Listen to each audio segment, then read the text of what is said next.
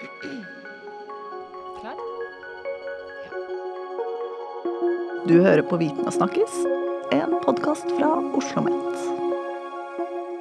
Hei og velkommen til en ny episode av podkasten Viten og snakkes. Det er tirsdag 28. januar.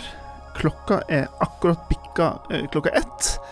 Eh, og i nyhetsbildet kan vi da lese om eh, koronaviruset. Og da blir det jo helt naturlig å invitere deg inn, Svein Erik Mamelund, vår pandemiekspert. Hva er det som skjer? Ja, Det er et veldig godt spørsmål. Jeg sliter med å holdt jeg på å si, følge med sjøl.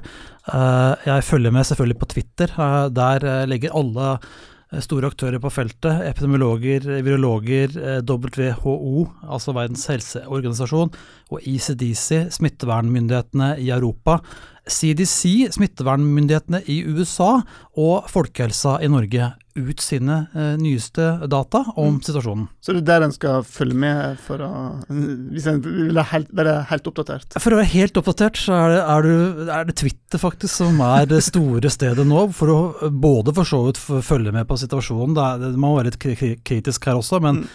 informasjon fra disse eh, stedene som jeg akkurat sa nå, de er sånn passe eh, pålitelig, selv om vi også trøbler veldig med å finne ut av hvor mange er det som blir syke, hvor mange er det som dør, hvor alvorlig er det for de syke. Dette her er veldig usikkert uh, enn så lenge, så er, jeg pleier å si det sånn at uh, det er nesten som at uh, du har et mål som er i bevegelse, så det er veldig vanskelig på en måte å treffe målet mm. og si noe helt konkret om hvor kommer dette her fra, hvor smittsomt er det? Hvor mange er nå syke? Hvor mange eh, er alvorlig syke? Hvor mange har dødd? Vi snakker om et virus. Ja. Hva er dette viruset gjør med de som får det? Det er omtrent som, altså det er et forkjølelsesvirus, men det har ikke vært sett uh, i mennesker før.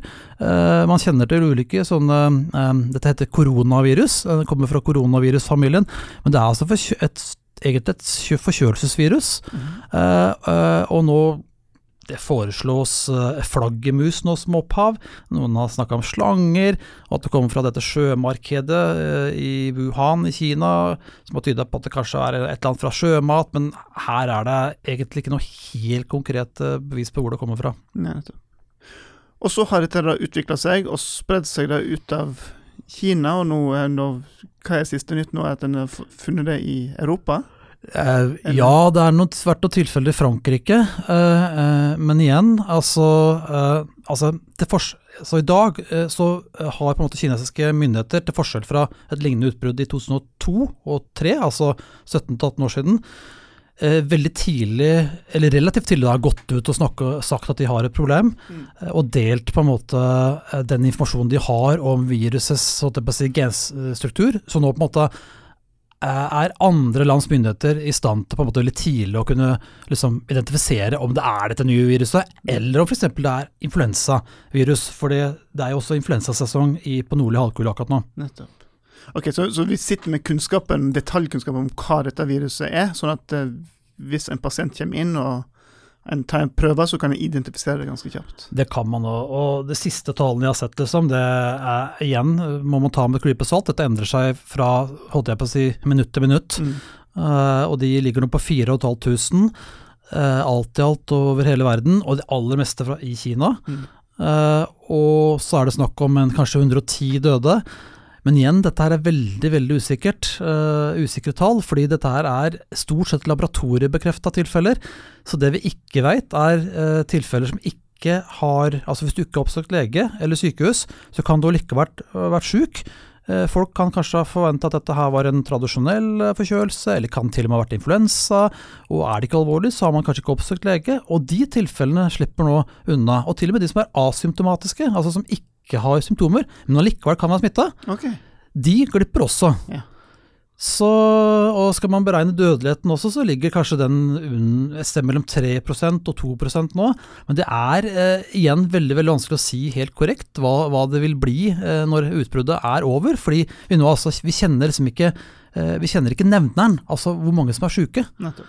Så det blir veldig vanskelig å liksom beregne andelen av de syke som dør. Mm. Og så er det det alle spør seg om, og du har sikkert allerede blitt spurt om det flere ganger. Altså, er dette en epidemi? En verdensomspennende epidemi? Blir dette en pandemi? Hva skal til? Hvem som bestemmer dette her? Igjen et kjempegodt spørsmål, som jeg selvfølgelig som forsker ikke har noe sånn ett entydig svar på. Og det skyldes at det er jo på en måte ting som Altså viruset har jo sine egne karakteristika, men så spiller jo det sammen med mennesker og menneskelig atferd, eh, og mellom politikk og hva på en måte enkelte land gjør når det gjelder smittevernberedskap. For nå har vi jo ikke noe verken medisin eller vaksine mot det. Så det vi kan gjøre, liksom, er sånne såkalte ikke-farmasøytiske tiltak. Stenge skoler, eh, skal vi stenge liksom landegrenser, skal vi si at noen må, må, må være bare hjemme, da. Eh, eh, ikke sant? Og skal man skille syke fra, fra friske. Skal det være ikke lov til å reise, sånn som er tilfellet i Wuhan, da, at det er 11 eller 20 millioner i Wuhan og noen andre byer der som mm. ikke får lov til å reise ut.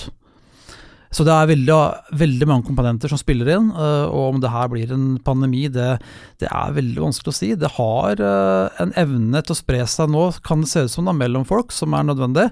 At det ikke bare spres fra et eller annet dyr til menneske, men at det også har evne til å spres mellom deg og meg, mellom mm. mennesker. Og det har det nå. og Eh, men allikevel, eh, hva som eh, Om det til slutt liksom ender opp med å, å bli en, en, pandemi, en verdensomspennende epidemi, hvor liksom det er masseutbrudd à la sånn det er i Kina nå, det er fortsatt veldig veldig vanskelig å si noe helt uh, tydelig om. Men, men, hvem som sitter på toppen her og, og, og si, bestemmer det, definisjonsmakt? Er det Verdens helseorganisasjon, eller er det det enkelte land her som står helt fritt? Nei, det er WHO nå som på en måte må gå ut og uh, erklære om dette her skal være Er, er det en, en global helsetrussel eller ikke? Og Nå hadde de et møte for noen dager siden hvor de sa da at det ikke var det.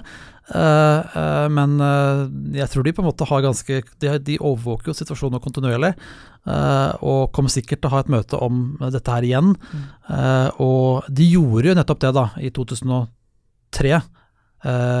så sa de at dette her var det var et lignende utbrudd da, av det de kalte SARS da, men det var også et koronavirus som ligner okay. på det vi har nå. Ikke, det er ikke helt det samme, men det er liksom i samme familie.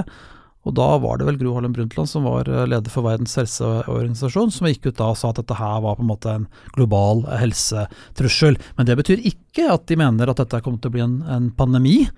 Hvor det er massiv spredning liksom, eh, i, på alle kontinenter og i mange land og samtidig, og med mange syke og døde. Det ser vi jo ikke akkurat, akkurat nå, da. Nei, nettopp. Har, har dere konsekvens av at uh Verdens helseorganisasjon eh, heiser opp det drøyeste flagget at nå er det pandemi. Har det noen konsekvens for de ulike da? Ja, jeg tror det, og det ser vi på Det er gjort studier på 2003-utbruddet, da, SARS-utbruddet, som også starta i Kina. I sørlige Kina, i Guangdong-provinsen der. Så så de det at etter at Verdens helseorganisasjon på en måte erklært, erklærte at det var en global helsetrussel, så, så på en måte gir det signal til alle medlemslandene til å eh, satse på likt. Da, i, altså at man har en eh, samla innsats da, for å stoppe eh, spredning av, viruset. Og det kan ha noe å si. Ja. For oss i Norge, skal vi være bekymra? Eh, ikke ennå, tror jeg. Vi fikk jo, så vidt jeg husker, ikke noen tilfeller i 2003, da, da spredte den sykdommen seg hovedsakelig i Kina. De, fleste dødsfallene var også Kina da. Det var om rundt 8000 sykdomstilfeller globalt, tror jeg det var, og rundt 800 dødsfall. Altså 10% av de som fikk sykdommen da, døde. Eh, det tallet nå er noe lavere, tyder på. Det ligner på kanskje 2-3 eh, Men vi hadde altså ikke noen tilfeller eh, i Norge, og ikke noe dødsfall. Så enn så lenge så må vi liksom følge nøye med, som mm. jeg veit norske helsemyndigheter, Helsedirektoratet og Folkehelsa uh, gjør, da. Uh, så ja, vi, det gjenstår bare å se nå framover, faktisk. Ja.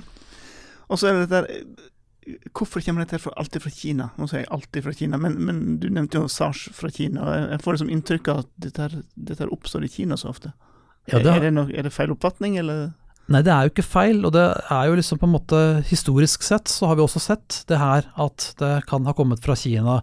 Eh, Spanskesyken for 100 år siden, influensapandemi, eh, kan ha starta i Kina. SARS starta definitivt i Kina, i Sør-Kina, i 2002. Eh, og grunnen til det er jo at eh, du da har en populasjon, altså det er 1,5 milliarder eller noe sånt nå, som bor i Kina. Det er mange mennesker i Kina. Det er mange som bor tett sammen i store byer. Og det er mange som også bor tett og lever tett på en litt annen måte man gjør i f.eks. Vest-Europa, Norge og i vestlige land. Altså tettere på husdyr. Eh, hvor på en måte man kan da bli smitta. F.eks.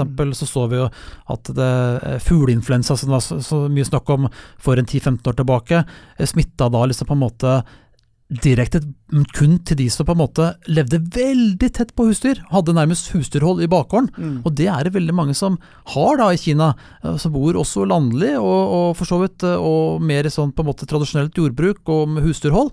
Uh, og pluss at man har da store uh, markeder og, og med levende dyr. og litt, litt, Det er litt annen type omsetning av mat og sånn, og, og sånn som man, enn det, det er det vi er vant til hjemme. hjemme da. Nå skal ikke vi bli politiske her, men det er vel en fordel for Kina å ha det styresettet de har, at de kan faktisk lukke ned en hel by, millionby, på den måten. Ja, det er interessant. Eh, altså det er jo land som kunne ha satt i gang den form for tiltak så kjapt. Det er på en måte ikke tenkelig noe annet sted, nesten. Eh, Så på en måte de, Det er nærmest som et laboratorieforsøk, dette her. da. Jeg har- kjenner ikke til at noe land noen gang har øh, prøvd noe sånt som det her. Det er et, et sosialt eksperiment på mange måter, altså et medisinsk og sosialt eksperiment på likt. Som jeg aldri har sett maken til, selv om karantenepolitikk og isolasjon og forslag på stenge grenser og sånne ting for å holde en antatt smitte ute, det, altså at det ikke skal komme inn. Mm. Her er det jo snakk om å stenge folk som hvor smitten sprer seg. Ja. Så, at, så, så her er, kan man jo lure på liksom om fører dette til da veldig mange flere sykdomstilfeller og dødsfall i denne populasjonen, Mm. mens andre deler da ikke får det. Så det er eh, jo litt eh, spesielt. Så gjenstår egentlig å se på en måte hva som skjer da i Wuhan og i omliggende områder. Og det kan jo Ja, enn så lenge så veit vi ikke på en måte hva, hvordan det virker på global spredning. Du, helt til slutt, altså te tempoet ditt dette her, som vi nå innleder med Dette skjer veldig fort, eh, og vi vet veldig lite enda, men, men, men hva vet du om tempoet på spredning av sånn virus? Sånn, vil dette her være avklart om to dager, ei uke, eller kan dette her sige ut over lang tid og, og holde oss på pinebenken i flere uker? Eh, Jeg kan jo selvfølgelig støtte meg til historiske data nå, og, og liksom til hvordan disse utbruddene har vært før. eh, og det, det gjør jeg for så vidt nå i det jeg skal si òg, men eh, jeg er også litt sånn Twitter-epidemiolog her. Jeg følger veldig nøye med på som sagt, disse ulike aktørene internasjonalt som gir ut de beste data vi kan stole på. Men det er en annen virolog jeg følger veldig tett på Twitter òg, som er kjempeflink, og som har lagt ut det helt nyeste nå. og Da foreslår han at dette her kan på en måte være ja, midten av februar kanskje, kan det hende at du ser uh, toppen, og at det Mm. begynner å trekke seg tilbake igjen. Men igjen, dette er uh, for, fortsatt usikkert, da. Men noen uker til i hvert fall. Mm. Ja. Man regner med at det her kanskje stiger, og før det flater ut, og, og eventuelt da på en måte trekker seg tilbake. Nett. Svein Erik, uh, tusen takk for at du kunne komme på så kjapp varsel. Altså, det må jo være spennende for deg som forsker, er pandemiforsker, å få dette selv om det er mye dystert i dette. Ja, det er det. Altså jeg eh, er jo glad for å kunne komme hit og fortelle om det jeg veit og hva jeg kan eh, på influensafeltet, som jo er litt beslekta til det med et Dette er jo et utbrudd av forkjølelsesvirus. Eh, Men det er klart det viser jo hvor relevant det jeg forsker på er. Mm. Det er som hører på, det, det gjelder bare å følge med. Vi skal lenke opp til Svein Erik sin Twitter-konto og, og andre ressurser. Og så har vi også skrevet en lengre artikkel om, om tematikken her. Og så får en bare følge med og krysse fingrene for at dette her går fort over og ikke blir en pandemi.